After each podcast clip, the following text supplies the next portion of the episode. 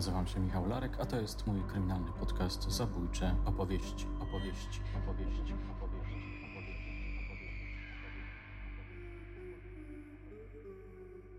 Temat jest na tyle interesujący, że zaintrygował się tym tematem Werner Herzog. Tak, tak, ten sam Werner Herzog, słynny niemiecki reżyser, który wraz z pisarzem, e, nie pamiętam dokładnie teraz nazwiska, pojechali do Plainfield pewnej ciemnej nocy i Herzog rzeczywiście był na cmentarzu. Proszę pamiętać, że Herzog też nie do końca jest, że tak powiem, na, odbiera na naszych falach. Żaden człowiek, który pracuje z Klausem Kińskim nie mógł być. E, I pojawił się w nocą szpadlem przy grobie matki, chciał udowodnić pewną tezę. No ale w końcu druga osoba się nie zjawiła i ten plan pozostawili. Jaki był ten plan? Można się tego domyśleć. Wykopać i zobaczyć, czy w ogóle matka istnieje wciąż w tym grobie.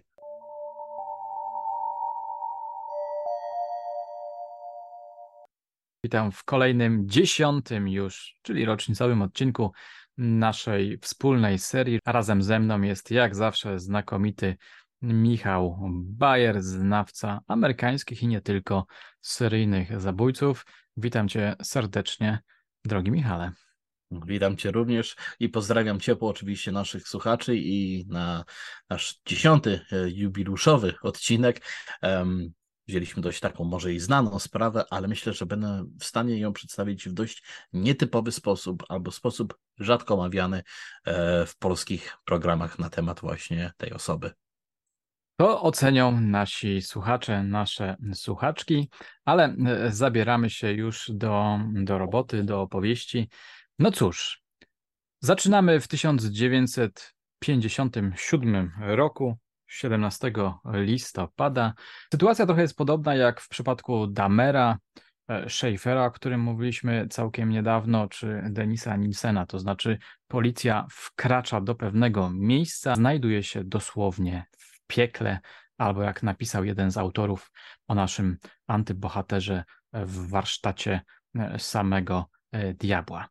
Policjanci, którzy znaleźli się na farmie, a potem weszli do e, takiego zaniedbanego dość budynku, myśleli, że znajdą mm, kobietę czy zwłoki kobiety i rzeczywiście znaleźli, tyle że wiszące piętami uczepione sufitu i bezgłowe z dziurą w brzuchu. Ale to nie wszystko, to nie cała ta makabra. Michale, co znaleźli jeszcze, między innymi, co jeszcze znaleźli e, policjanci? Przedstawiasz to jako makabra, ale pozwolę jeszcze naszym e, czy, e, słuchaczom, że tak powiem, odpowiedni nastrój wprowadzić, bo musicie pamiętać, że dzieje się to w latach 50. podczas zimy, czyli pogoda niezbyt sprzyjająca jest strasznie ciemno i jedyne źródło światła jest z latarek policyjnych, nie? I to jest zawsze zapisane w każdym protokole, który zawsze omawia tą sprawę. Ciemność po prostu w tym domu, absolutna ciemność, która pochłania wszystko i światło z tych latarek tylko na chwilę, momentami, kawałek po kawałku odkrywa po prostu otaczającą makabrę.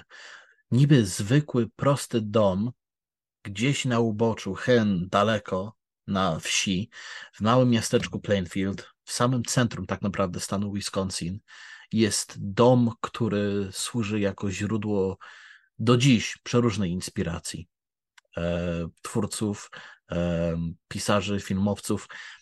Co, co, co jest w tym domu? Przede wszystkim makabra, żywa groteska, e, czaszki, z, e, które zostały przerobione na miski, e, ludzkie kości, które służyły jako widelce i noże, e, pas wykonany z ludzki, ludzkich sutków, karton, pudełko, które zawierało części intymne kobiet, wyciętych po prostu, maska z doczepionymi prawdziwymi włosami, spostrzywana z przeróżnych części ciała, ludzka skóra, która została użyta jako jako materiał do przyczepienia na przykład um, poduszki, czy zdrobienia część um, krzesła, czy e, taboretu. Ludzkie serce zwinięte w papierowy, brązowy, e, papierową, brązową torebkę przy, um, przy kuchence, nie w patelni, jak potem omyłkowo zostało omawiane. E, ludzka głowa dużo gdzieś tam w innym. No, dużo tego, dużo by opowiadać. Znam prawie na, na pamięć, co tam odkryli e, policjanci. Po prostu chodzący horror. Mhm.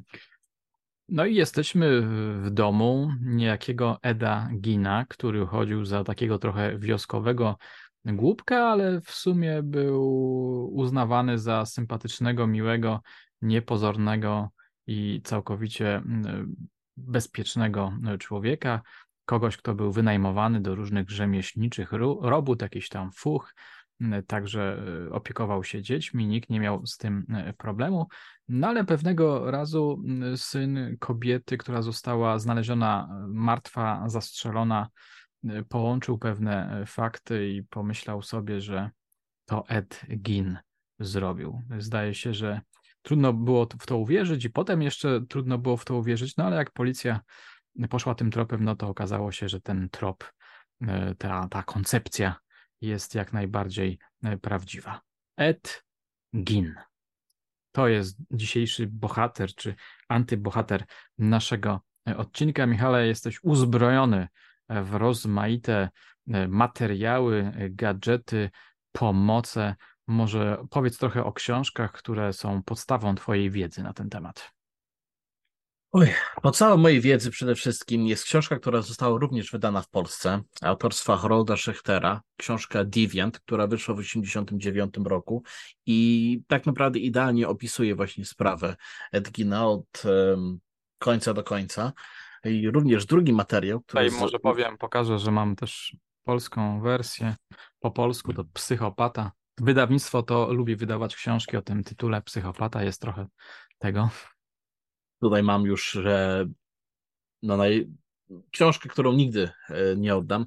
To jest wydanie twarde e, książki Edgina, napisana przez sędziego e, Golmara, który był właśnie sędzią Edgina. To o. jest nie tylko egzemplarz w twardej okładce, oryginalny z Dust Jacket w bardzo dobrym stanie. Ta książka jest również podpisana przez samego sędziego. O, tak, to był taki prezent, którego, który dostałem od mojego znajomego. Kiedyś mu pomogłem znaleźć e, dość trudne informacje na temat pewnej sprawy i on się mi właśnie odwdzięczył, powiedział, słuchaj, ja tyle tego mam, więc wiem, że tobie na pewno się to spodoba i mam właśnie tutaj drugą najlepszą książkę na jego temat. Książka tak naprawdę nie uzupełnia wszystkie fakty, jest pisana trochę innym językiem niż książka Szechtera, jednak jest to zdecydowanie też niezbędna literatura. Jeśli ktoś chce poznać historię Eda, nie tylko z perspektywy autora, ale również z perspektywy człowieka, który z nim po prostu siedział i współpracował.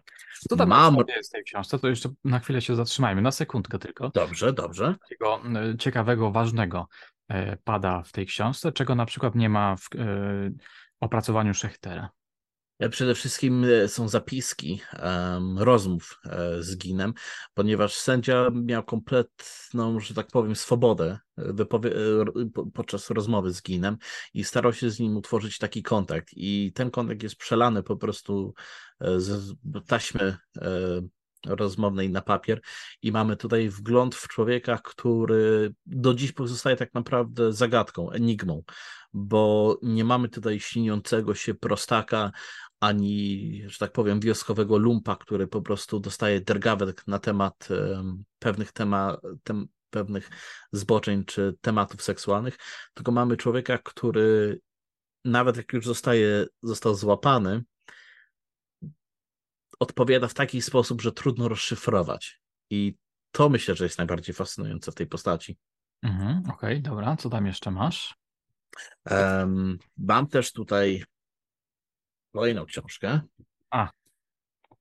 To jest The Ergin Files i na podstawie tak naprawdę tych rozmów został e, w tym roku, parę tygodni temu, wyszedł nowy dokument na temat e, Edgina, e, który studio MGM właśnie wypuściło w czterech częściach i pierwszy raz w historii w tym dokumencie słyszymy głos Edgina, który wypowiada się kiedyś czytałem właśnie, to są autentyczne protokoły sędziowskie i wywiady z Edginem i pierwszy raz nie tylko mieliśmy okazję poznać jakby dalsze części tych rozmów, ale również usłyszeć głos Eda i był to trochę dla mnie pewien taki, e, taki szok, bo zastanawiałem się, jak brzmi w ogóle głos tego człowieka. Jak usłyszałem w końcu, to mamy głos takiego przyciszonego, wręcz niepewnego, czasami wręcz znudzonego człowieka, by, by się wydawało. Bardzo takiego ospałego, flegmatycznego, ale zarazem jest coś takiego niepewnego w tym głosie, że tak naprawdę nie wiadomo, czy on taki jest, czy po prostu tak wpuszcza kogoś po prostu w maliny. Ale taki głos ciebie zdziwił, bo mnie się wydaje, że to jest głos, który właśnie tak mógłby brzmieć, kiedy czytamy sobie różnego rodzaju opisy tej, tej postaci. To był człowiek spokojny, wyciszony, e, onieśmielony, stłamszony przez silną matkę, o której będziemy mm, mówili. Więc wszystko się zgadza. Rzeczywiście wszystko by się zgadza, ale trzeba pamiętać, że niestety popkultura zrobiła swoje. I z jednej strony gdzieś tam się wali głos Antoniego Perkinsa opowiadający o swojej matce, z drugiej strony gdzieś mamy Buffalo Billa tańczącego nago przed lustrem, a jeszcze gdzieś tam w tle słyszę po prostu ryki i nienaturalne dźwięki Leatherface'a z teksańskiej piły masakry.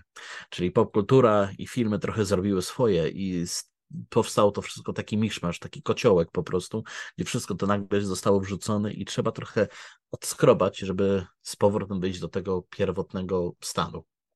Okej, okay, czyli jakby wyprzedzasz wypadki, mówiąc o popkulturze, która bardzo mocno przekształciła bardzo charakterystycznego człowieka, chyba w jeszcze bardziej spektakularną postać jakiejś bestii, demona, diabła, e, czasami bardzo, bardzo elokwentnego.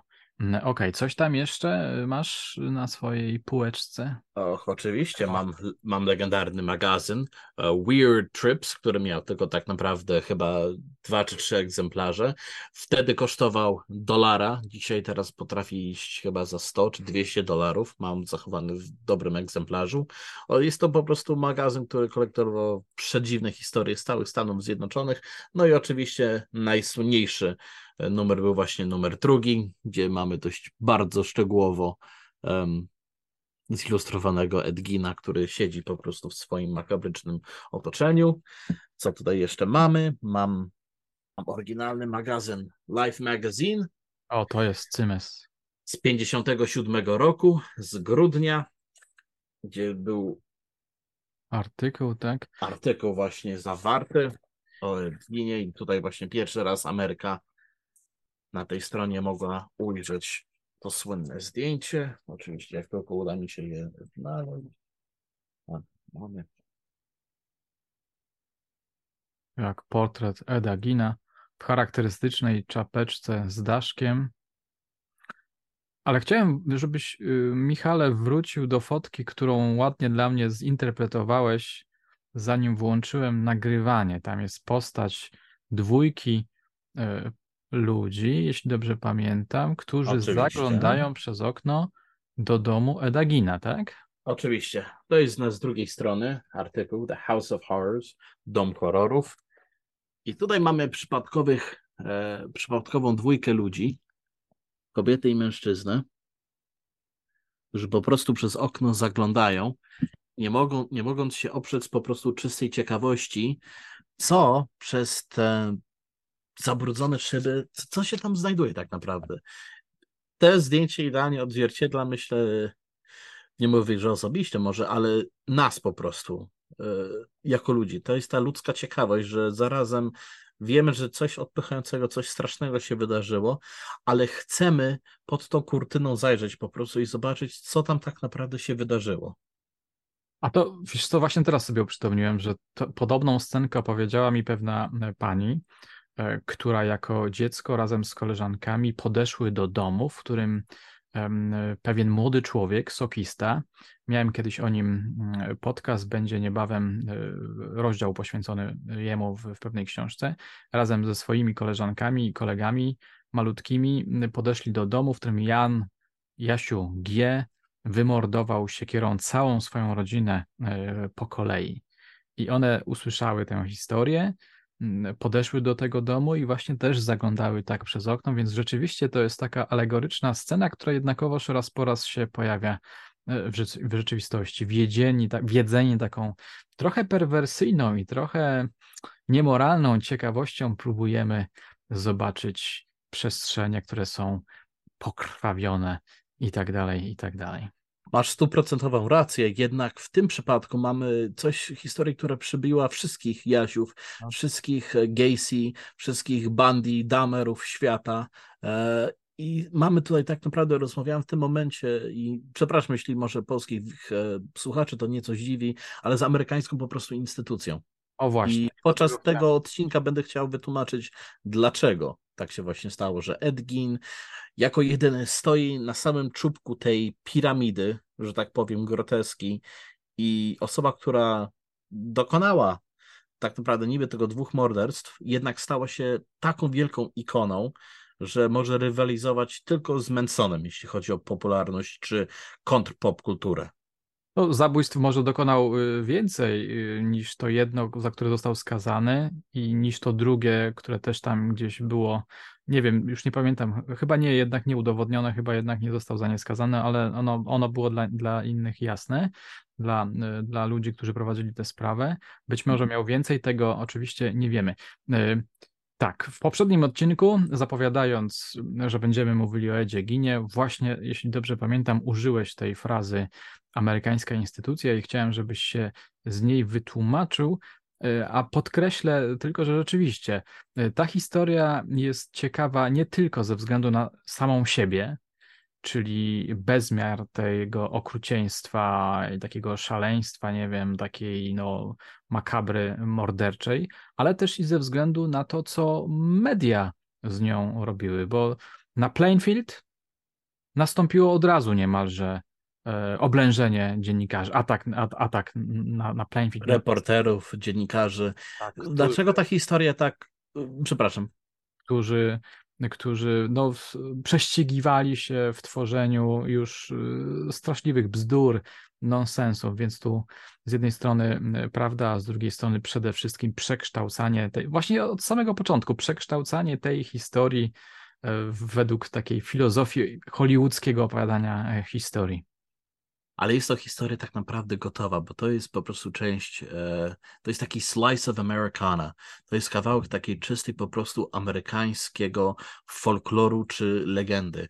E, lata 50. idealizowane, czyste, wszystko wyskrobione, e, biały płot, biały dom, ojciec, syn, piękna żona. córka, piękna żona, wszystko dobrze, nie jesteśmy komunistami, jesteśmy dumni, że jesteśmy Amerykanami, u nas nie ma żadnych nieczystości ani perwersji, te wypastowane, takie idealne lata 50.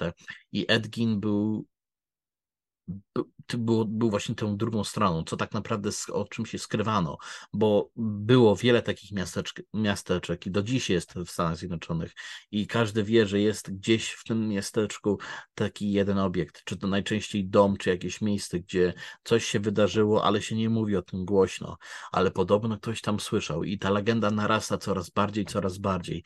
I Ed był właśnie tym takim pierwszym na skalę, że tak powiem, całą światową, że nagle miasteczko w samym środku Wisconsin, z niczego tak naprawdę nie słynące, wieś, że tak powiem, się trochę brzydko wyrażę, zabita dechami, dosłownie, bo do dziś tam niewiele osób mieszka, nagle stało się wielkie epicentrum po prostu, jeśli chodzi o sensację, szok i groteskę, bo nagle wydawałoby się, że nawet w takim spokojnym, małym miasteczku, gdzie każdy znał siebie, tak naprawdę sąsiedzi znali siebie od, tak naprawdę od urodzenia i nikt za bardzo nie wyjeżdżał spoza granica, granicami tego miasta, nagle odkryto po prostu odrażającą prawdę, o człowieku, który żył między nami, który zajmował się naszymi dziećmi, który jak trzeba było za piątaka dobrą robotę wykonał. Wydawało się, że okoliczny dziwak po prostu nagle skrywa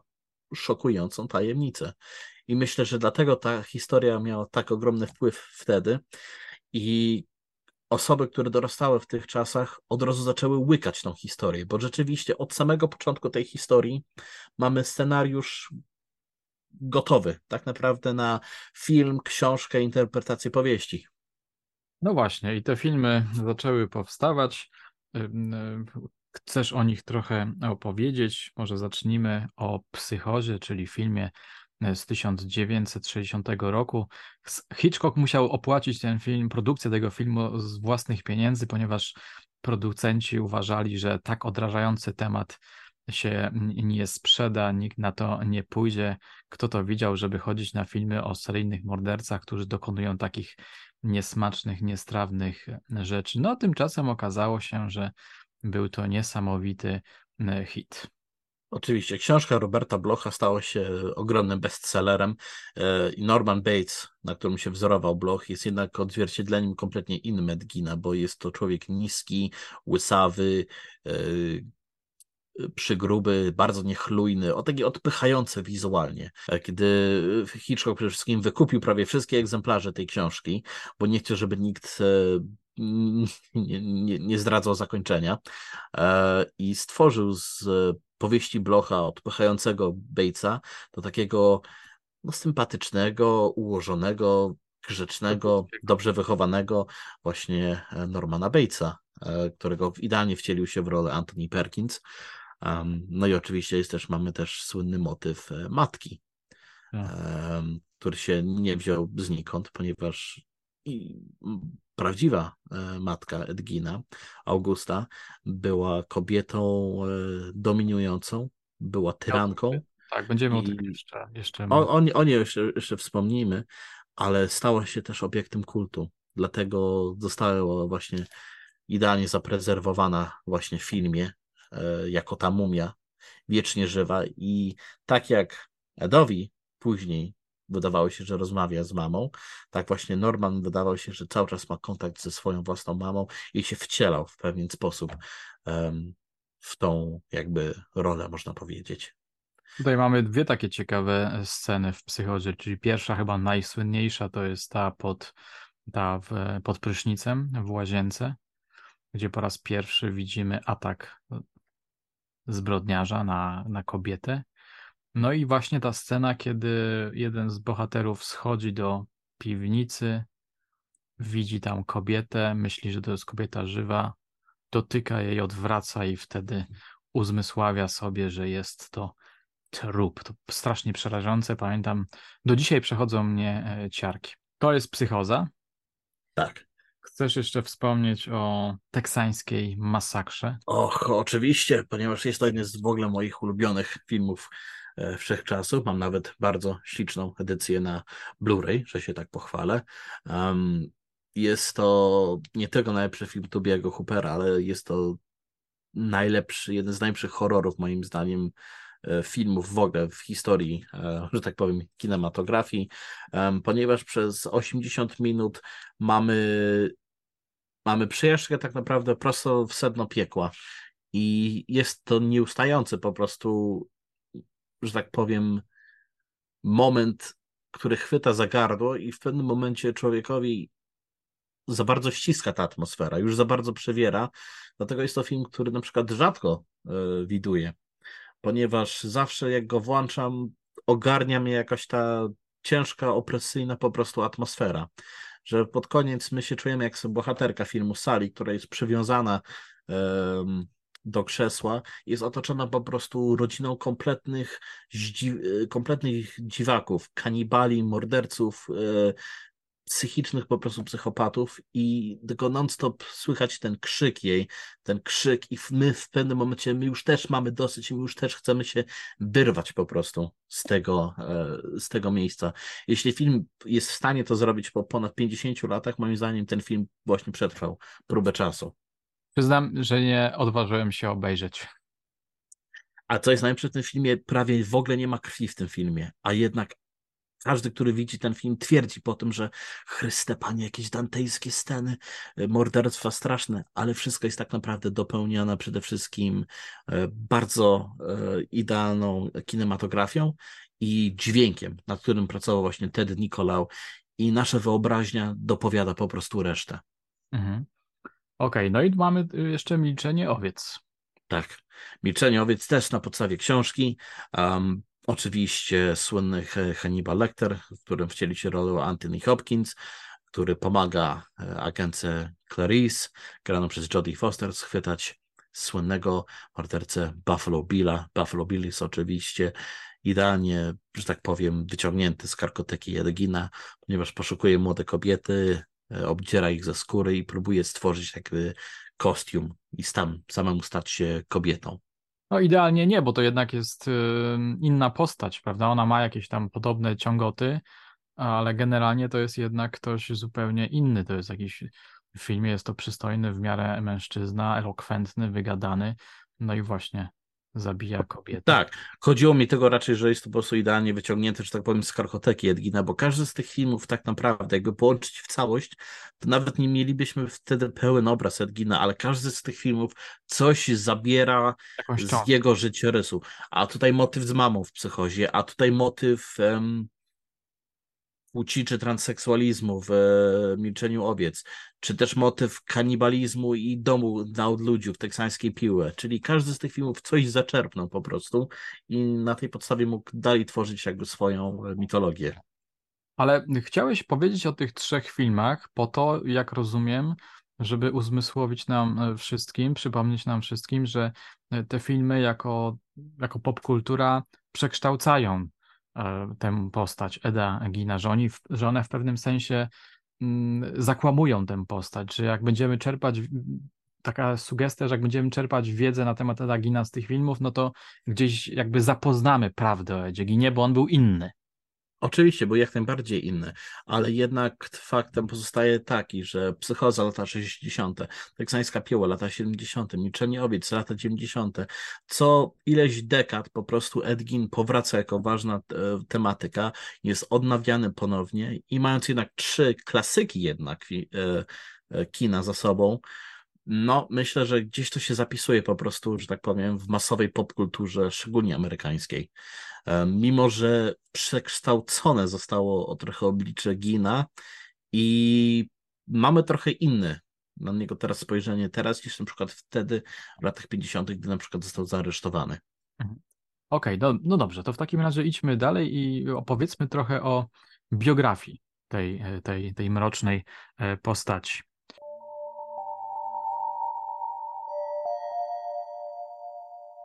Edgin urodził się w 1906 roku w La Crosse. Tak, La Crosse. Um, ojciec um, Henry, matka Augusta. E, ojciec Henry był alkoholikiem, e, był kompletnie zdominowany przez swoją żonę, bał się jej strasznie.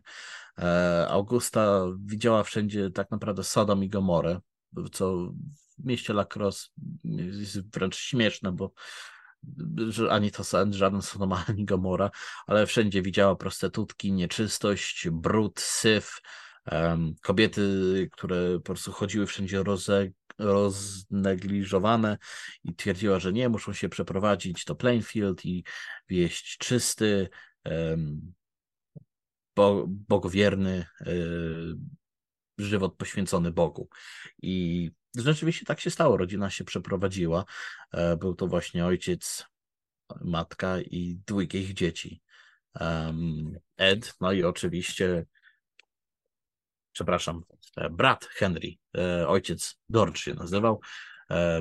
I tak cała czwórka właśnie powędrowała do Plainfield. Tak jak do Kan społeczność nie miała może nic za bardzo do George'a, to od razu Augusta zraziła do siebie wszystkich. E, sąsiadów, choć tak naprawdę sąsiadów nie mieli, a każdy w mieście uważa ją po prostu za złośliwą, e, wiecznie narzekającą, e, momentami wręcz też okrutną kobietę. Każdy, kto próbował wyciągnąć do niej jakąś pomocną dłoń, został od razu spychany lub widziany jako wróg. I biedny Ed się wychowywał tak naprawdę w tym otoczeniu.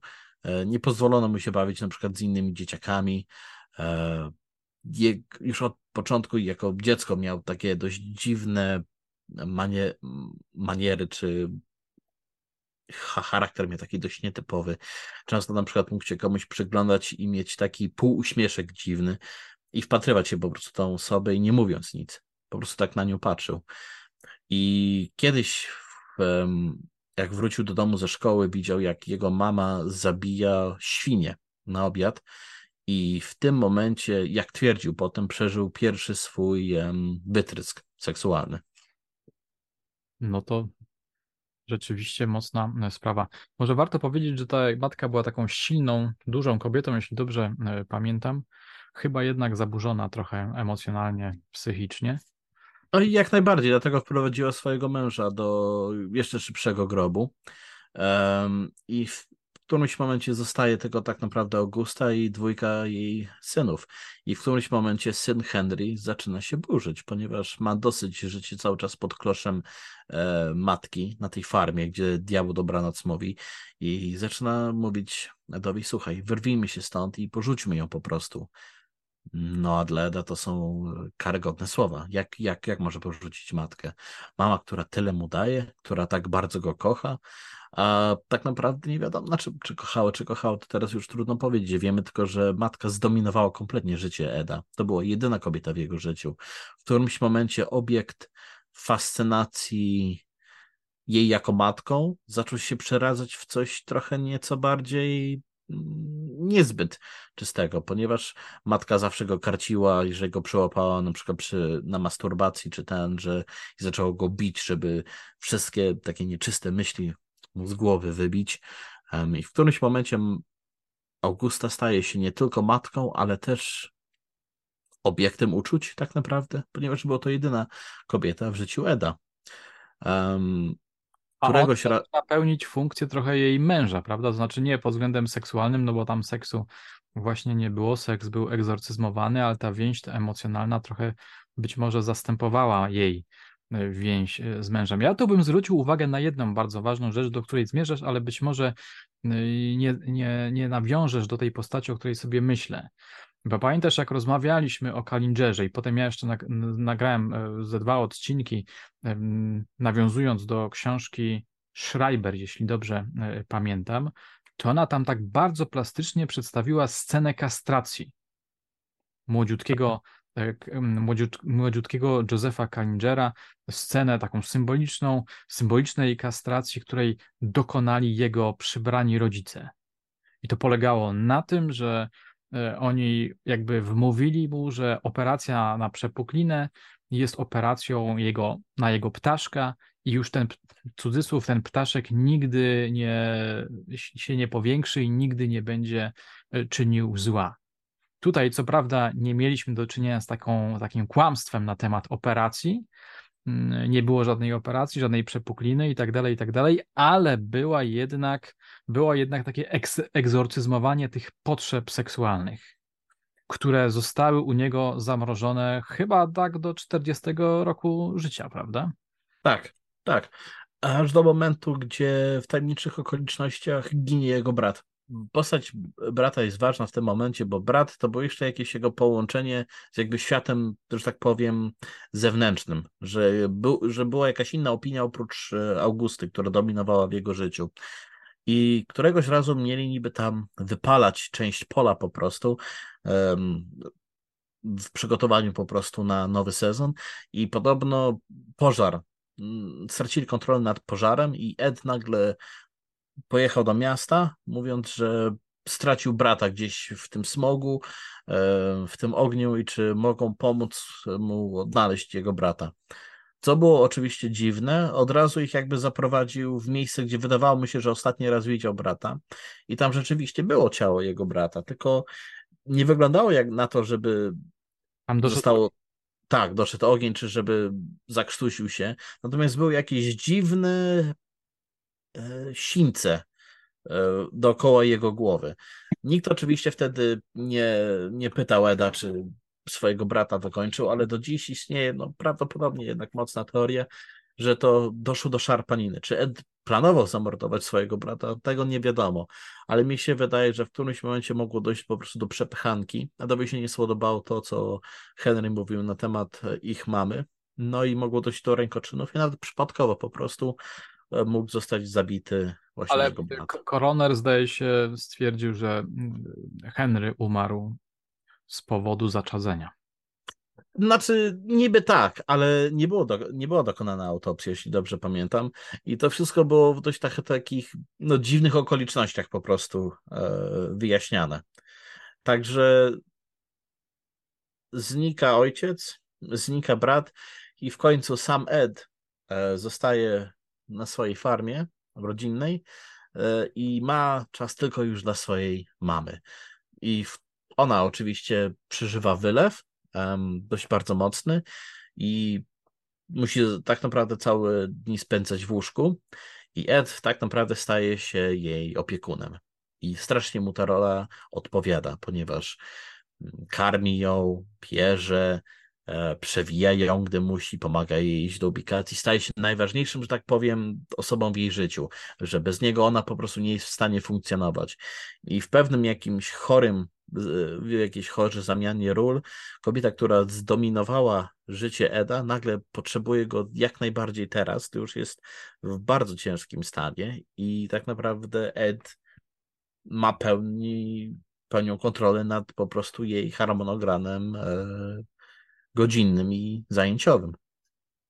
No ale w pewnym momencie matka umiera. Dzieje się to w 1945 roku i wydaje się, że to jest taka bardzo ważna cezura w tej biografii. Przełom.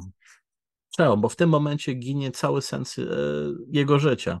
Ludzie z miasteczka Plainfield e, nie ukrywali swojej radości, zadowoleni byli, że w końcu kopnęła w kalendarz, bo nikt jej nie lubił. Zdawali ją po prostu za złośliwą, e, odpychającą wredną wiedźmę e, i chwała Bogu, żeby, coraz, żeby im szybciej się z diabłem spotkała.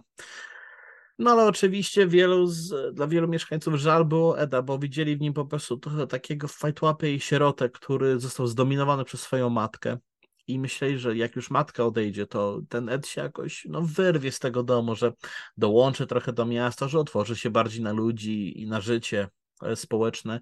Jednak e, stało się zupełnie inaczej. Ed zamknął się coraz bardziej w sobie i jak już wtedy był odludkiem, stał się jeszcze większym odludkiem. No i prowadził sobie takie życie, które właściwie nie zostało rozpoznane e, przez mieszkańców. Mm, prowadził takie życie w jakimś takim mroku, e, w cieniu.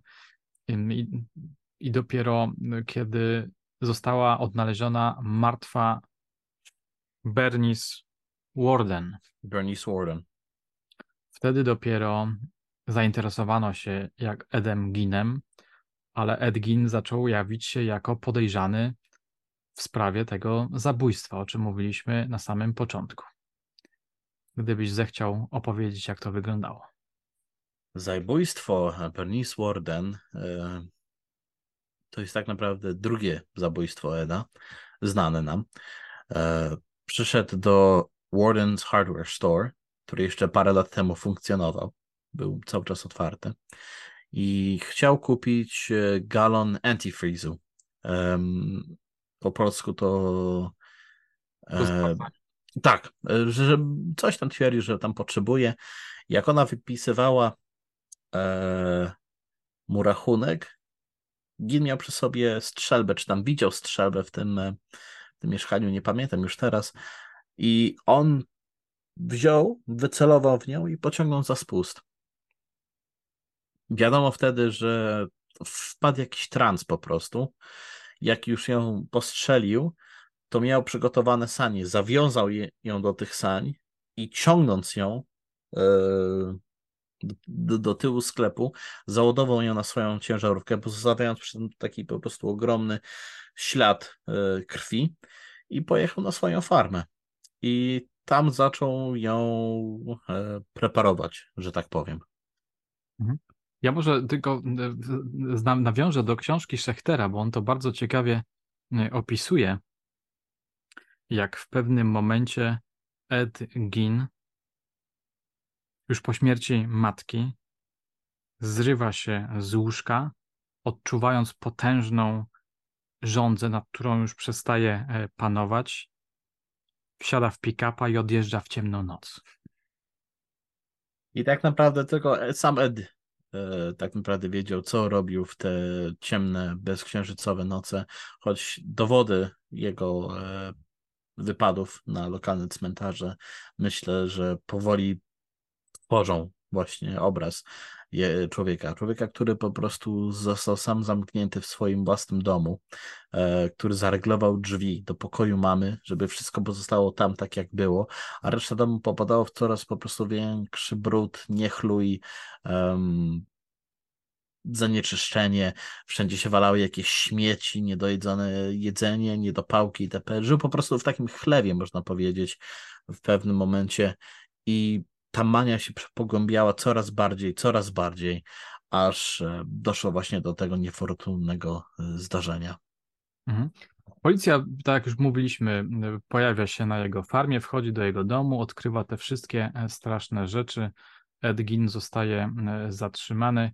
Ważne jest też to, że te, te, te, ślady, te szczątki, te pozostałości, te wszystkie makabryczne rzeczy, które tak drobiazgowo wymieniłeś, świadczą o tym, że tutaj mamy do czynienia nie tylko z ciałem jednej kobiety, ale z większą liczbą kobiet czy, czy, czy ludzi, bo to nie zostało do końca przecież na 100% od razu zidentyfikowane, po prostu to były szczątki ludzi. I Ed Gein mówi, że jedną kobietę zamordował, natomiast reszta to są szczątki ciał, które on wykopał z grobów.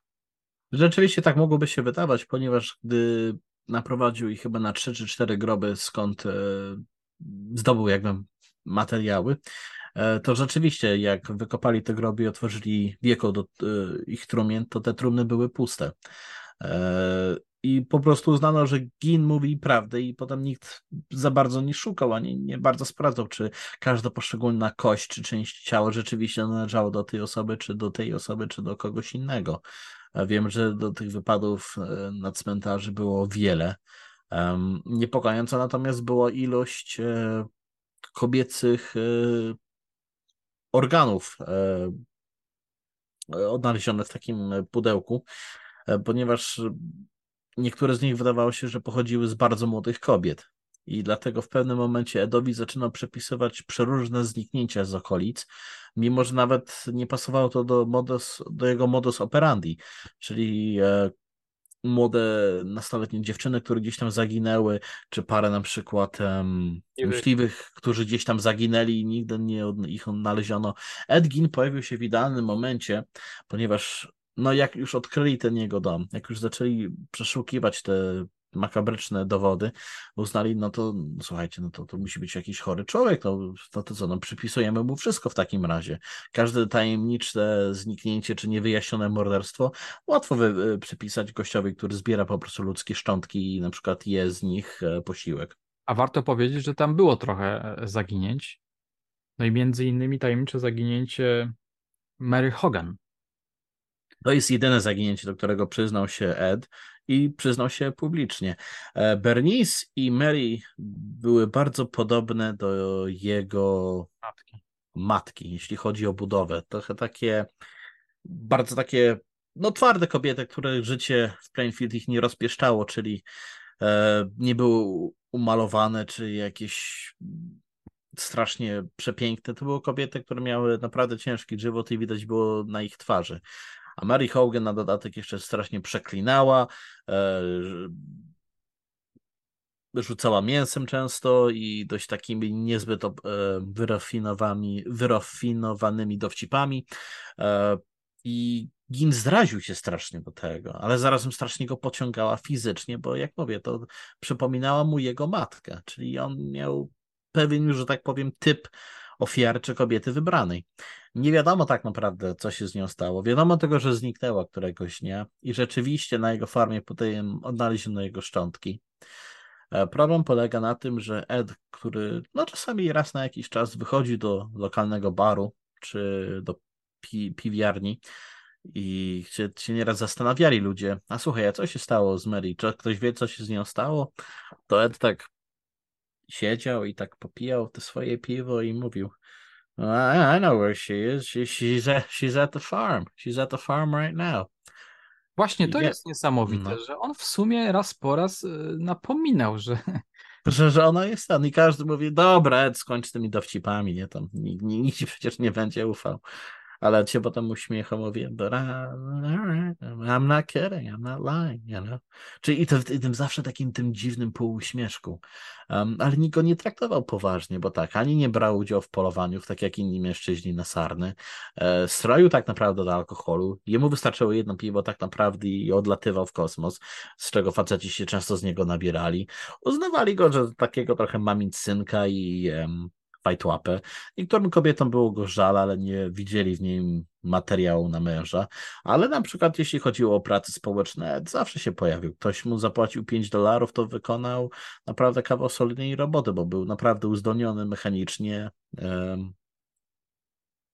i również stolarsko. Też, jeżeli ktoś potrzebował opiekunkę dzieci na jakiś czas, no to Ed zawsze się pojawił. Tylko potem ludzie mówili, dzieciaki mówili, że Ed przynosi jakieś dziwne gazety o kanibalach czy łowców głów i ktoś potem twierdził, że jak był mały, Edgin mu pokazał niby taką zasuszoną głowę, nie? Autentyczną, który twierdził, że jakiś mu tam kuzyn wysłał skądś czy to rzeczywiście istniał w ogóle taki kuzyn, czy sam Ed po prostu stworzył taką małą, zminiaturyzowaną główkę, no to to już możemy się tego domyślać. Warto powiedzieć właśnie o tych lekturach Eda e, Gina. On uwielbiał opowieści o nazistach, o nazistkach. W tym się bardzo lubował i nawet potem wzorując się na jednej z nich. Ilsa Koch. Tak.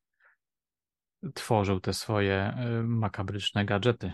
Ed strasznie lubił opowieści dość takie makabryczne z różnych zakątków świata, nie tylko literaturę. No, oczywiście nie mówię, że tutaj miało e, przejaw jakiś e, polityczny, że tak powiem, zamiłowanie do nazistów, o ile mi wiadomo, nigdy się nie wypowiadał ten temat, ale fascynowało go właśnie takie makabryczne, odpychające zbrodnie, czy też e, kanibalizm gdzieś w południowej Ameryce, czy na jakichś wyspach na Pacyfiku. Strasznie go ta, tematyka interesowała.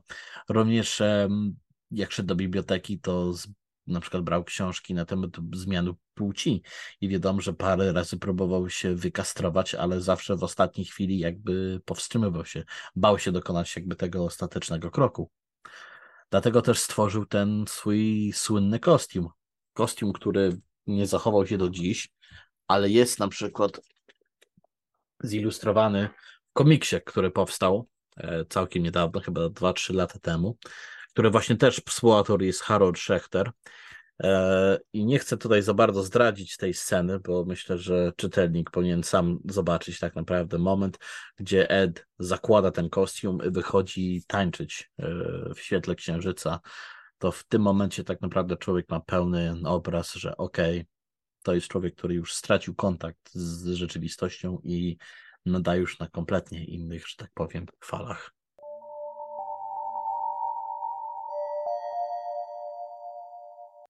Edgin jest przesłuchiwany. W końcu zaczynają się e, badania psychologiczne, psychiatryczne. No i w pewnym momencie zaczyna się proces. Tak. Podczas procesu dochodzi e, do ujawnienia faktu, że kapitan policji w którymś momencie rzucił się na Edgina i zaczął go po prostu układać pięściami, bo po prostu nie wytrzymał psychicznie tego, co usłyszał i co widział. Twierdził, że Ed po prostu jest jakimś śniącym się mordercą i że musi natychmiast wykończyć go po prostu dla, dla dobra społeczeństwa. Trzeba pamiętać, że to było naprawdę miejscowość, gdzie nic takiego się nigdy przedtem nie wydarzyło, albo przynajmniej się nie mówiło na głos na, na, temat, na temat, że tak powiem, bardziej makabrycznych czy krzywdzących zbrodni. I nagle w którymś momencie pojawia się postać jak Edgin, która siłą rozrywa tą fasadę normalności, yy, spokojności Ameryki lat 50. i musimy się skonfrontować z obrazem naprawdę odpychającym tuż w naszym sąsiedztwie, nie gdzieś na drugim końcu świata, nie gdzieś na jakiejś wyspie w Pacyfiku, nie gdzieś tam w Europie, tylko u nas właśnie w Stanach w Ameryce. I dla wielu to był po prostu szok. Um, podczas badań psychiatrycznych, e, co można z rozmów wywnioskować, e, stwierdzili, że Edgin jest niepoczytalny, choć te rozmowy z nim są bardzo intrygujące, ponieważ Ed stara się jakby chować co wstydliwsze materiały, jakby sam się wstydził albo wiedział, co zrobić, tylko nie chce za bardzo ujawnić co. I zawsze mówili, że podczas całej tej rozmowy on zawsze tak starał się niepewnie odpowiadać i że co jakiś czas miał ten taki dziwny półuśmieszek, że nie, jakby nie wiadomo z czego się tak trochę cieszył. Dlatego niektórzy twierdzili, że po prostu okłamuje innych i rzeczywiście jest to jakiś geniusz e, zbrodni, a z drugiej strony ludzie twierdzili, że to jest po prostu zwykły, prosty e, lump, który przechytrzył psychiatrów udając wariata. Ale bardzo ciekawe są te mechanizmy. Znaczy, może powiedzmy tak, że e, ludzie od pewnego momentu zaczęli bawić się w psychologów, psychiatrów, mm, w seksuologów, w znawców ludzkiej duszy, znawców ludzkiego mózgu, potrzeb seksualnych, zboczeń seksualnych i stawiano rozmaite diagnozy. Samo w sobie to jest niezwykle interesujące i wręcz fascynujące, jak, jak połowa, nie wiem, Amerykanów czy cała Ameryka próbuje go zdiagnozować. Mm, ja wyczytałem u Szechtera jedną taką diagnozę, e, bardzo ciekawą, no bo tutaj chodzi o motyw, prawda? W pewnym momencie zaczęto poszukiwać motywu. No, to, to nie były nasze dzisiejsze e, czasy, kiedy seryjni mordercy, zabójcy są opisani na tysiące sposobów i właściwie ten temat zrobił się nudny, bo już każdy pisze książki o takich strasznych postaciach coraz więcej jest podcastów, które powielają bezustannie to, to samo, więc ten, ten temat jest jakby oczywisty. A tutaj jesteśmy w latach 50. Owszem, wcześniej też byli tego rodzaju e, sprawcy. Nawet w, książce Szechtera są e, wzmiankowani różni e, nekrofile, trochę podobni właśnie do, do naszego antybohatera. Ale generalnie to była nowość, a jeszcze w takim stanie jak Wisconsin nie mówiąc już, że w takiej wioseczce jak Plainfield, to było zupełnie, absolutnie coś innego, niesamowitego, niepowtarzalnego, wstrząsająco nowego, co jakby neguje mm, wiedzę o człowieku jako istocie nie aż tak drapieżnej. Więc to poszukiwanie motywacji jest bardzo ciekawe. U Szychtera znalazłem takie, taką wzmiankę, która mówiła o tym, że u niego ta miłość do matki, którą cały czas, o której, który, o której pamięć cały czas w sobie pielęgnował, chcąc nie chcąc, ta miłość była bardzo ambiwalentna. To znaczy, z jednej strony była miłość do niej, e, jako do takiego obiektu wręcz absolutnego, a z drugiej strony była tam nienawiść do niej, no bo ona jednak sprawiała mu ból, cierpienie, ona go blokowała, ona go odcinała od rzeczywistości, to musiało go jakoś boleć. Nawet poniżała go. Tak, poniżała go, to musiało go boleć.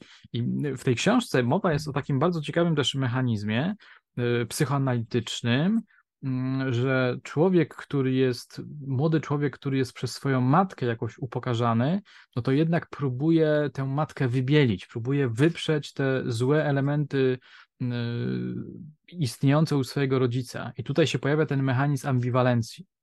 No i być może było tak, że te kobiety podobne do niej, ale ordynarne, jak, jak dla niego, rozpustne, złe, y, były taką emanacją tej złej części matki.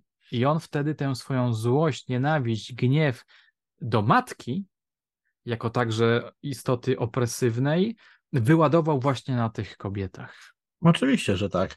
Temat jest na tyle interesujący, że zaintrygował się tym tematem Werner Herzog. Tak, tak, ten sam Werner Herzog, słynny niemiecki reżyser, który wraz z pisarzem, e, nie pamiętam dokładnie teraz nazwiska, pojechali do Plainfield pewnej ciemnej nocy i Herzog rzeczywiście był na cmentarzu. Proszę pamiętać, że Herzog też nie do końca jest że tak powiem, na, odbiera na naszych falach. Żaden człowiek, który pracuje z Klausem Kińskim nie mógł być. E, I pojawił się w nocą szpadlem przy grobie matki. Chciał udowodnić pewną tezę. No ale w końcu druga osoba się nie zjawiła i ten plan pozostawili. Jaki był ten plan? Można się tego domyśleć. Wykopać i zobaczyć, czy w ogóle matka istnieje wciąż w tym grobie. Bo nikt nigdy tego nie sprawdził, czy rzeczywiście Augusta cały czas leży w ziemi. No, było też podejrzenie, że on też mógł ją wykopać, prawda? Nikt, nikt nigdy nie sprawdził. Nikt nigdy nie sprawdził. Każdy tego wziął, wziął za słowo, że nigdy ten. A ja myślę, że może rzeczywiście tak być, że jeżeli kiedyś zrobią ekshumację, co, z czego wątpię, że no może być szok, bo otwieramy, a tutaj pusta po prostu ten trumna. kiedy omawiamy te nasze historie, ja lubię nawiązywać do poprzednich e, naszych bohaterów czy antybohaterów. I kiedy czytałem książkę Szechtera, pomyślałem sobie w pewnym momencie o Denisie Nilsenie. Pamiętasz y, doskonale, Brian Masters napisał książkę, której tytuł po polsku brzmi um, Morderca dla towarzystwa, czy tam zabijanie mhm. dla towarzystwa. On zabijał ludzi po to, żeby młodych chłopaków, po to, żeby oni nie, nie mogli go opuścić. Potrzebował towarzystwa, był niesamowicie samotnym człowiekiem. I tutaj jest taki moment, gdzie mówi się o Edzie Ginie jako człowieku niesamowicie samotnym. I że on mm, miał towarzystwo właśnie trupie. Towarzystwo w postaci zwłok, które jakoś tam e, przerabiał. Więc znowu Zje... mordercę do mordercę, który zabija z takich społecznościowych pobudek, motywów trochę. Tak, tylko różnica jest między taka, że na przykład Nielsen e, wstydził się i dopiero, dopiero w późniejszych listach czy dokumentach wyjawnił tą swoją obsesję na temat nekrofilii, po prostu pożądanie martwych ciał jako obiektu zaspokojenia swoich potrzeb seksualnych. Wiadomo, że Edgin podobno nigdy nie współżył z żadnym z tych e, tak. odłamkami części twierdził, że po prostu, że śmierdzą dlatego go odpychały, że miały, że fascynowały go jako obiekty, ale nigdy nie twierdził, że pod względem seksualnego. Trzeba też pamiętać, że Edgin w pewnym też naszym zrozumieniu e, zachowuje się jak dziecko, jak takie duże dziecko po prostu. Jego podejście do seksu jest takie, jakie jest na przykład dziesięciolatka, który zobaczy na przykład piersi w Playboyu i zaczyna chichotać i tak mniej więcej na tym poziomie zatrzymał się po prostu rozwój seksualny Edgina, który mhm. próbował tam później oczywiście, jak już matki nie było przez książki może edukować, czy bardziej poznać um, swoje potrzeby, jednak wciąż to, to było gdzieś tam zahamowane i gdzieś zatrzymane, że tak powiem, na poziomie właśnie tego dziesięciolatka. W jednym z badań wyszło na to, że Edgin bardziej czuje się przynależny płci żeńskiej. Była dyskusja na ten temat. E, czytałem w. Jezu, nie pamiętam dokładnie teraz gdzie, ale w internecie był bardzo interesujący artykuł właśnie, czy Edgin był w ogóle transseksualistą. I autor pod koniec podsumował tezą tak, że yy, jego transseksualizm, transseksualizm był tak samo prawdziwy, jak jego potrzeba na przykład do towarzystwa, czyli był to wymyślony po prostu obiekt i Ed był zbyt może prymitywny, żeby do końca zrozumieć, jaka jest tak naprawdę zmiana płci. On widział może w płci żeńskiej jakąś ostoję, czy absolutne, że tak powiem, centrum um, kontroli i uwagi, czy jednak czuł się kobietą, z czego wiemy i jak już potem został wysłany do zakładu psychiatrycznego, nikt potem twierdził, że nie objawnił takich potrzeb, czy rozmów, czy czy zachcianek nawet tak naprawdę. Dlatego niektórzy twierdzą, że rzeczywiście był to transseksualista, jednak autor tego, tego referatu, którego czytałem, twierdził, że kompletnie nie o to w tym tak naprawdę chodziło, że w jego że w jego umyśle, my to możemy tłumaczyć jako ten, ale w jego umyśle to było to coś na rodzaju przekształcania się po prostu w innej osoby, ale niekoniecznie z pełną taką zmianą swojej płci. Tego coś w rodzaju właśnie takiego groteskowego przebrania po prostu.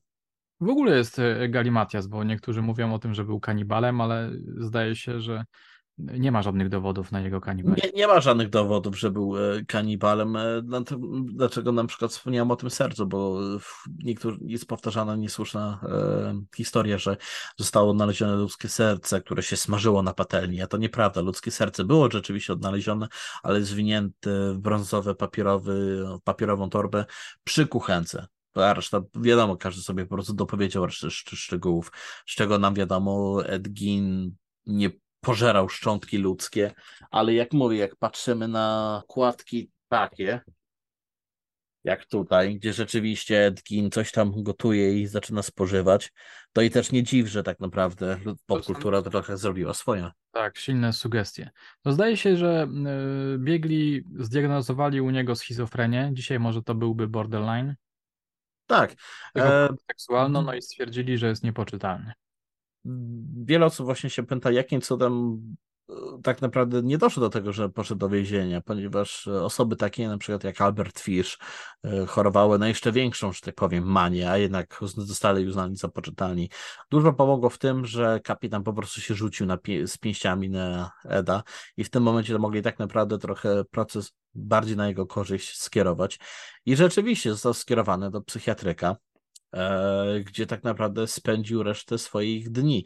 Był potem kolejny proces po paru latach e, w kwestii tego, czy on może wyjść na wolność, jednak sędzia Golmar wtedy stwierdził słusznie, panie Edzie, myślę, że pan jest bezpieczny, bezpieczniejszy, bezpieczniej panu będzie właśnie w tym zakładzie, jak i dla społeczeństwa, jeśli pan jednak tam pozostanie.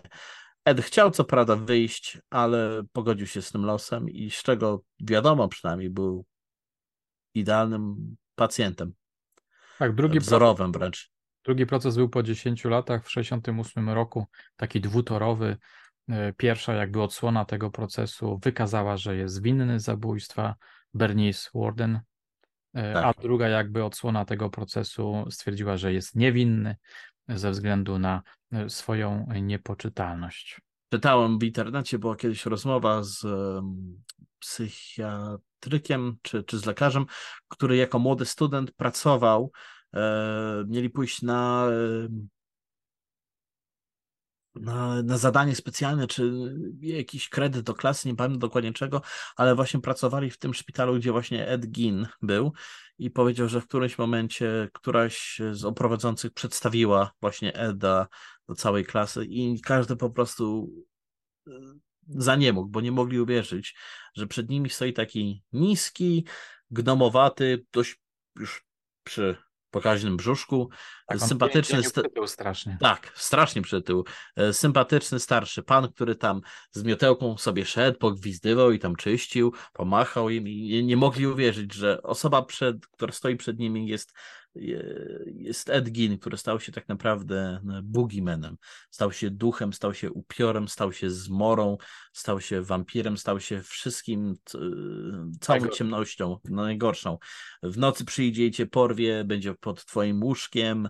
Jeśli nie zjesz obiadu, przyjdzie Ed Gein i wsadzi cię do wora i wydłubie ci tam wnętrzności i nie mogli po prostu uwierzyć, że nagle monstrum, że tak powiem, diabeł, ghoul, stoi przed ich oczami jest to taki gwizdzący sobie gość, który jak mu tego dodać brodę wielką białą, to by wyglądał jak święty Mikołaj. Kiedy czytałem w opracowaniach właśnie o tym, że on w więzieniu, czy tam raczej w szpitalu psychiatrycznym jawił się jako bardzo sympatyczny, miły, bardzo grzeczny człowiek, z którym właściwie nie było żadnych problemów, w przeciwieństwie do innych, osadzonych, to przypomniałem sobie to, co mówiła mi pani Katarzyna, pani major Bolek z zakładu, z bieszczadzkich zakładów karnych. Ona jakby twierdziła, że z, jego, z jej doświadczenia wynika, że ci najbardziej straszni mordercy, zabójcy, mm, to są, to są ludzie właśnie ugrzecznieni. Właściwie tacy bardzo mm, wręcz przesadnie uniżeni i tak dalej, i tak dalej. To na Edzie ginie się sprawdza. Całkiem możliwe. Wiadomo natomiast, że jego reakcje były bardzo takie przetłamione. Gdy został już skazany i wysłany do aresztu, jego dom e, w tajemniczych okolicznościach e, został spalony. Oczywiście nikt w mieście się nie przyznawał do czynu, no ale wiadomo, że ktoś specjalnie po prostu puścił cały dom z w ogniu, bo chcieli się pozbyć po prostu atrakcji. Nie chcieli, żeby tutaj się. Tak, tutaj ważny tak. jest kontekst, ponieważ y, mieszkańcy Plainfield mm, bardzo mocno cierpieli, że reputacja ich y, wioski została szalenie, szalenie czy mocno nadszarpnięta i oni nie mogli się z tym pogodzić. I kiedy dowiedzieli się, że na jego farmie będzie wielka wyprzedaż, no to byli y, wstrząśnięci. Potem, potem się okazało, że samochód został wykupiony przez kogoś, kto dorobił się dość sporych pieniędzy na, dzięki samochodowi Dillingera. Oczywiście, że tak, jeżeli tylko znajdę. Więc samochód... oczywiście, że tak. Chodź, zobacz, za 25 centów. Samochód Edgina, to właśnie tym samochodem przewoził trupy i szedł na swoje nocne wyprawy. Tylko za 25 centów. No to no, no. Piorny samochód. Kto, kto się mógł tak? oprzeć? A tylko 25 centów, no to tylko nic niż tylko rączki ten i zbierać kasę, bo każdy oczywiście chciał zobaczyć. Więc z jednej strony świat mediów, świat y, marketingu, świat konsumpcji, kultury popularnej chciał wycisnąć wszystko, co się da z tej historii, żeby zarobić pieniądze, żeby tworzyć jakieś tam y, opowieści i gadżety, a z drugiej strony mamy mieszkańców Plainfield, którzy chcą zniszczyć ostatni ślad po tej strasznej postaci. To znowu przypomina mi innego sprawcę, tym razem Damera. Y, mieszkańcy chcieli zniszczyć dom, budynek, prawda, w którym Damer mieszkał. Zabawne, że wspominasz o Damerze, bo w tym momencie, gdyby ktoś kiedyś kiedykolwiek nakręcił jakiś inny film czy serial o Edginie, to tak naprawdę film powinien się kończyć na tym, że mieszkaniec Plainfield wraca po ciężkim dniu do pracy, siedzi przy telewizorze, jest po prostu zmęczony, włącza telewizor. Do domu. Tak, i nagle z telewizoru słychać głos, że w Milwaukee odnaleziono e, szczątki chyba 11 mężczyzn w apartamencie jednego Jeffrey Damera e, w wielkich takich beczkach. No i, i tak naprawdę Wisconsin, chcąc, nie chcąc, zebrał dwóch naprawdę najsłynniejszych i najdziwniejszych morderców, mi się wydaje, w całej współczesnej historii Stanów Zjednoczonych. Tak jak myśleli, że nic nie przebije Edgina, tak minęło parę lat, no i przyszedł Jeffrey Dahmer i wyłożył jeszcze wszystkich na równo. E, mieszkańcy Plainfield od ponad 60 lat próbują się zmagać e, z historią Edgina. E, w lokalnym więzieniu powstało w końcu małe że tak powiem, muzeum dla Edgina. I chcąc, nie chcąc, zostali zmuszeni do, do tego faktu, choć wcale tego nie, chcieli i rzeczywiście pod tym względem współczuję, ale musieli tak naprawdę stanąć z faktem w twarzą twarz, że najsłynniejszy obywatel ich miasta nie jest jakiś renomowany pisarz, amerykański bohater, heros, czy jakaś wybitna, wielka postać. Nie, gość, który po prostu chodził i wykopywał ciała z grobów i makabryczne rzeczy z nimi wyprawiał. Um, do tego stopnia, że mam tutaj akurat zdjęcia, ktoś mi kiedyś podesłał. Tak wyglądało jeszcze w latach 90. cmentarz rodziny, rodziny Gin. Henry Gin, tak, Augusta Gin. I ktoś w latach 90. skradł nagrobek Ed Gina. I dopiero po la wielu latach udało się odnaleźć ten nagrobek i teraz jest zamknięty gdzieś chyba w, u szeryfa, jeśli dobrze pamiętam. Nawet po śmierci e, nie, nie zaznano e, spokoju. I każdy, który przychodzi na cmentarz, to ludzie z Plainfield dokładnie wiedzą, kto jest e, nie z, nie, nie, nie z okolicy, kto nie jest tutejszy. Kolega pojechał do Plainfield i rzeczywiście pojechał na cmentarz i nie mógł odnaleźć grupy Edgina. No i coś tam, wiesz, niby udawał, że szuka i podchodzi do niego gość, który tam pracował. Czego tutaj szukasz? A nie, bo szukałem tutaj e, swojego jakiegoś dziadka, myślałem. Gość powiedział, dobra, dobra, nie, skończ mi tutaj, wiesz, pieprzyć, chłopie. No. Ja, wie, ja, wiem, ja wiem, po co tu jesteś i kogo szukasz. Tam. I wiesz, wskazał palcem, nie? Czyli oni dobrze wiedzą, dlaczego tutaj e, przyjeżdża do Plainfield. Nie dlatego, żeby zaskosować jakiejś tam lokalnej e, gastronomii czy obiektów zwiedzających. Nie, bo tam po prostu nic nie ma. Jeżeli ktoś jest przyjezdny z Plainfield, to oni dokładnie wiedzą, dlaczego jesteś w tym miasteczku. Czyli no, klątwa tego, tych mieszkańców polega na tym, że nie uda im się zetrzeć śladu Edagina z powierzchni ziemi. Spalili Być... dom, schowali nagrobek i nic z tego to nie dało. Ludzie do dziś przychodzą na farmę, gdzie stał jego właśnie jego dom. Teraz jest to prywatna posesja, ale ludzie wciąż chodzą, chodzą aż do samej barierki i starają się zrobić zdjęcia i zobaczyć, gdzie mniej więcej ten dom mógł stać. Czyli oczywiście, że tak. Ludzi do dziś fascynuje. Ciekawe, Wystarczy... Ciekawe, czy gdyby Hitchcock nie nakręcił filmu, to tak samo to by wyglądało. Tak samo by to wyglądało. Ta historia była zbyt wielka, bo żyła swoim życiem po Hitchcocku dzięki e, teksańskiej e, masakry piłowej, dzięki Milczeniu Owiec, dzięki e, kapeli na przykład Slayer, która nagrała słynną piosenkę Dead Skin Mask, dzięki filmu na przykład Deranged, którego stworzył efekty Tom Savini, dzięki na przykład przeróżnych postaciom którzy byli zainspirowani jego dalszą działalnością. Do tego powstają między innymi do dziś komiksy, na przykład stare, karty do zbierania, czy też na przykład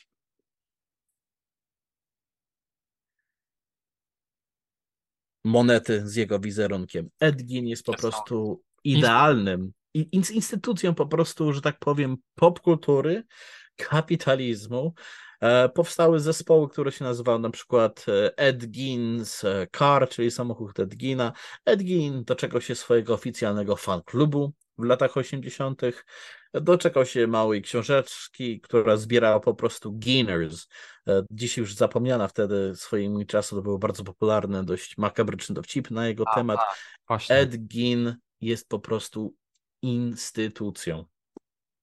Są koszulki z nim, Ludzie spokojnie, tak jak nie, nie spotkasz na ulicy, na przykład e, w Stanach gościa, który na przykład będzie miał koszulkę, nie wiem, e, z Bandim, czy Damerem, czy Gaysim, ale na przykład widziałem wiele razy ludzi, którzy mieli koszulki na przykład z Edginem. E, Edgin stał się... Zatrzymał przy tych, przy tych dowcipach, bo w książce Szechtera jest bardzo ciekawa interpretacja zacytowana, wzmiankowana. Mieszkańcy Wisconsin, którzy no, nie, nie mogli się uporać z tą, z tą historią, którzy byli nawiedzani przez jakieś tam lęki, e, koszmary i tak dalej, i tak dalej. Oni właśnie próbowali to wyprzeć, no i takim dobrym mechanizmem jest zawsze, nie wiem czy zawsze, ale no, bywa takim dobrym mechanizmem wyparcia humor. Jest, jest to bardzo ginery... typowe dla ludzi z tego stanu, żeby obrócić to w trochę taki dość ponury albo makabryczny dowcip, żeby zmagać się po prostu z tą niekomfortową rzeczywistością. A właśnie, i te ginery wcale nie były oznaką braku empatii, e, hamstwa i tak dalej, i tak dalej, tylko były takim mechanizmem psychicznym, e, który miał jakby uregulować ich złe e, samopoczucie. Ja zapamiętałem jeden giner, akurat mnie trochę rozbawił, no ale trochę mi wstyd, że mnie rozbawił. Mm. Dlaczego w mieszkaniu Eda Gina podkręcili temperaturę, żeby Dlaczego? meble nie miały, żeby meble nie dostawały gęsiej skórki z zimna. Bo meble tam były ze skóry ludzkiej. My, my, się, my, my się śmiejemy z tego i wiem, że może na przykład dla polskiego odbiorcy być to trochę dość szokujące lub też y, nietypowe, niesmaczne. No, jakim cudem, jakim ten. Ale Ameryka trochę rządzi się swoimi własnymi prawami i fascynacją, że tak powiem, przeróżnych e, morderstw e, zabójstw istnieje od lat, a Ed Gein stał się po prostu czymś wyjątkowym, czymś większym, czymś po prostu na taką skalę, że tego się już zatrzymać yy, nie da, nawet jeżeli człowiek chciałby starać się jakoś zraperować. Nawet same miasto w końcu przestało walczyć ze swym, swoim wizerunkiem i poświęcili mu małą część, że tak powiem, swoim Muzeum Historii Edgina, bo coraz im dłużej się to będzie oddalać, odejdzie to po prostu w taką, że tak powiem, historię i dołączy to do kanonu typu um, Billy the Kida, um, przykładowo na przykład ludzie, którzy w Dzikim Zachodzie też mordowali, co prawda, ale stali się legendami, że tak powiem, Dzikiego Zachodu i tak swojego czasu Ed Gein stanie się po prostu trochę takim już, już legendą. Te wszystkie obiekty, głównie książki to zebrałem sam, ale na przykład część tutaj na przykład obiektów, na przykład kartę, czy tutaj ten został mi podesłane przez innych ludzi, którzy na przykład byli zainteresowani tematyką i w ramach czegoś tam wymiany mi wysłali, więc ja nawet specjalnie nie szukałem nigdy rzeczy na, na temat Edgina, ale od Edgina trudno się, myślę, że tak powiem, odgonić, bo jak mówię, jest to. Sam stoi na tej górze po prostu, nie? To jest jedyny gość, który regularnie na jakichś stronach poświęcony na przykład tylko horroru, zawsze pojawi się raz do roku jakiś artykuł o nim, nie? I zawsze ludzie będą zaintrygowani, zafascynowani tą historią i nic się, myślę, do tego czasu nie zmieni. Dlatego też może niesłusznie, bo widziałem komentarz po poprzednim filmie, że e, nazwałem Edgina e, amerykańskim Kolanowskim, choć naprawdę to no nie jest do końca tak naprawdę szczere porównanie, ani dobre porównanie, bo jednak zbyt wie, dużo ich dzieliło pod względem i modus operandi, i psychologii, i samego działania, i też wpływu, że tak powiem, kulturowego, ale myślę, dlatego do dziś Ed Gein pozostaje taką po prostu enigmą i do tego do dziś fascynuje. I nie, I, I don't see it stopping anytime soon. Tak, więc można powiedzieć trochę, można powiedzieć, że Ed Gein jest taką trochę galerią handlową. Mhm. E, ale Michale, ja jeszcze chciałem wrócić na sekundę do takich bardziej merytorycznych kwestii, do kwestii związanych z ne nekrofilią, bo sięgnąłem sobie do opracowania, do książki Jarosława Stukana. I on tam ma taki bardzo ciekawy fragment poświęcony nekrofilii. Mówi na przykład, że mm, przypomina, w sumie nie wiem, czy to jest do końca e, prawda, że kiedy Ed zabił pierwszą kobietę, przestał rozkopywać groby, E, załóżmy, że tak było, a nawet jeśli nie, no to jednak tutaj prowadzi nas do takiej ścieżki rozmyślań na temat nekrofilii. E, I stwierdza, że skoro ta jego nekrofilia nie była motywowana popędem seksualnym, nie, nie, nie zawierała w sobie tej lubieżności, no to tutaj nie można mówić o nekrofilii, ewentualnie o nekrofilii nieseksualnej, ale to już nie jest nekrofilia. I on używa takiego sformułowania jak nekrof, nekromorfia, i mówi, że nekromorfia jest chęcią kontaktu ze zwłokami, bardzo rzadko realizowaną, a dążenie do tego nie wiąże się z rozładowaniem jakiegokolwiek wewnętrznego napięcia. I tutaj mowa jest o cudzysłów pseudo-romantycznej nekrofilii, która miała leżeć u źródeł motywacji. I jest takie ciekawe zdanie, zatem jego działania, Edagina, mogły sprowadzać się w istocie do patologicznej reakcji na śmierć matki, która przybrała niecodzienną postać przez fakt cechującej go psychopatologii oraz zupełną izolację od świata zewnętrznego, która z czasem stale się nasilała. Tak, dlatego, że nie było jakiejś siły zewnętrznej, która mogła odciągnąć go od tych, e, że tak powiem, ciągot, a że był zamknięty po prostu i zdany sam tak naprawdę na siebie, taki potęgował i brnął w to coraz bardziej, coraz bardziej, aż wkopał się w taki no, przysłowiowy dół. No więc jakby nawet te wzmianki pokazują, że rzeczywiście ta historia, ta postać e, jest niejednoznaczna, e, tajemnicza, w sumie dużo o tym nie, o nim, o nim nie wiemy, chociażby właśnie ile zabił osób, i co go tak naprawdę motywowało. Motywowało. I po tylu latach, że tak powrócę znowu jednak do tego, do tego wspaniałego zdjęcia tutaj. Tak. Minęło 60 lat, a tak naprawdę zdjęcie pozostaje aktualne cały czas moim zdaniem. Cały czas Wszyscy... zaglądamy w okno. Cały czas zaglądamy z czystej po prostu ludzkiej ciekawości. Nawet jeżeli prawda jest odpychająca lub groteskowa, to jednak chęć, myślę, poznania tego jest zbyt silna.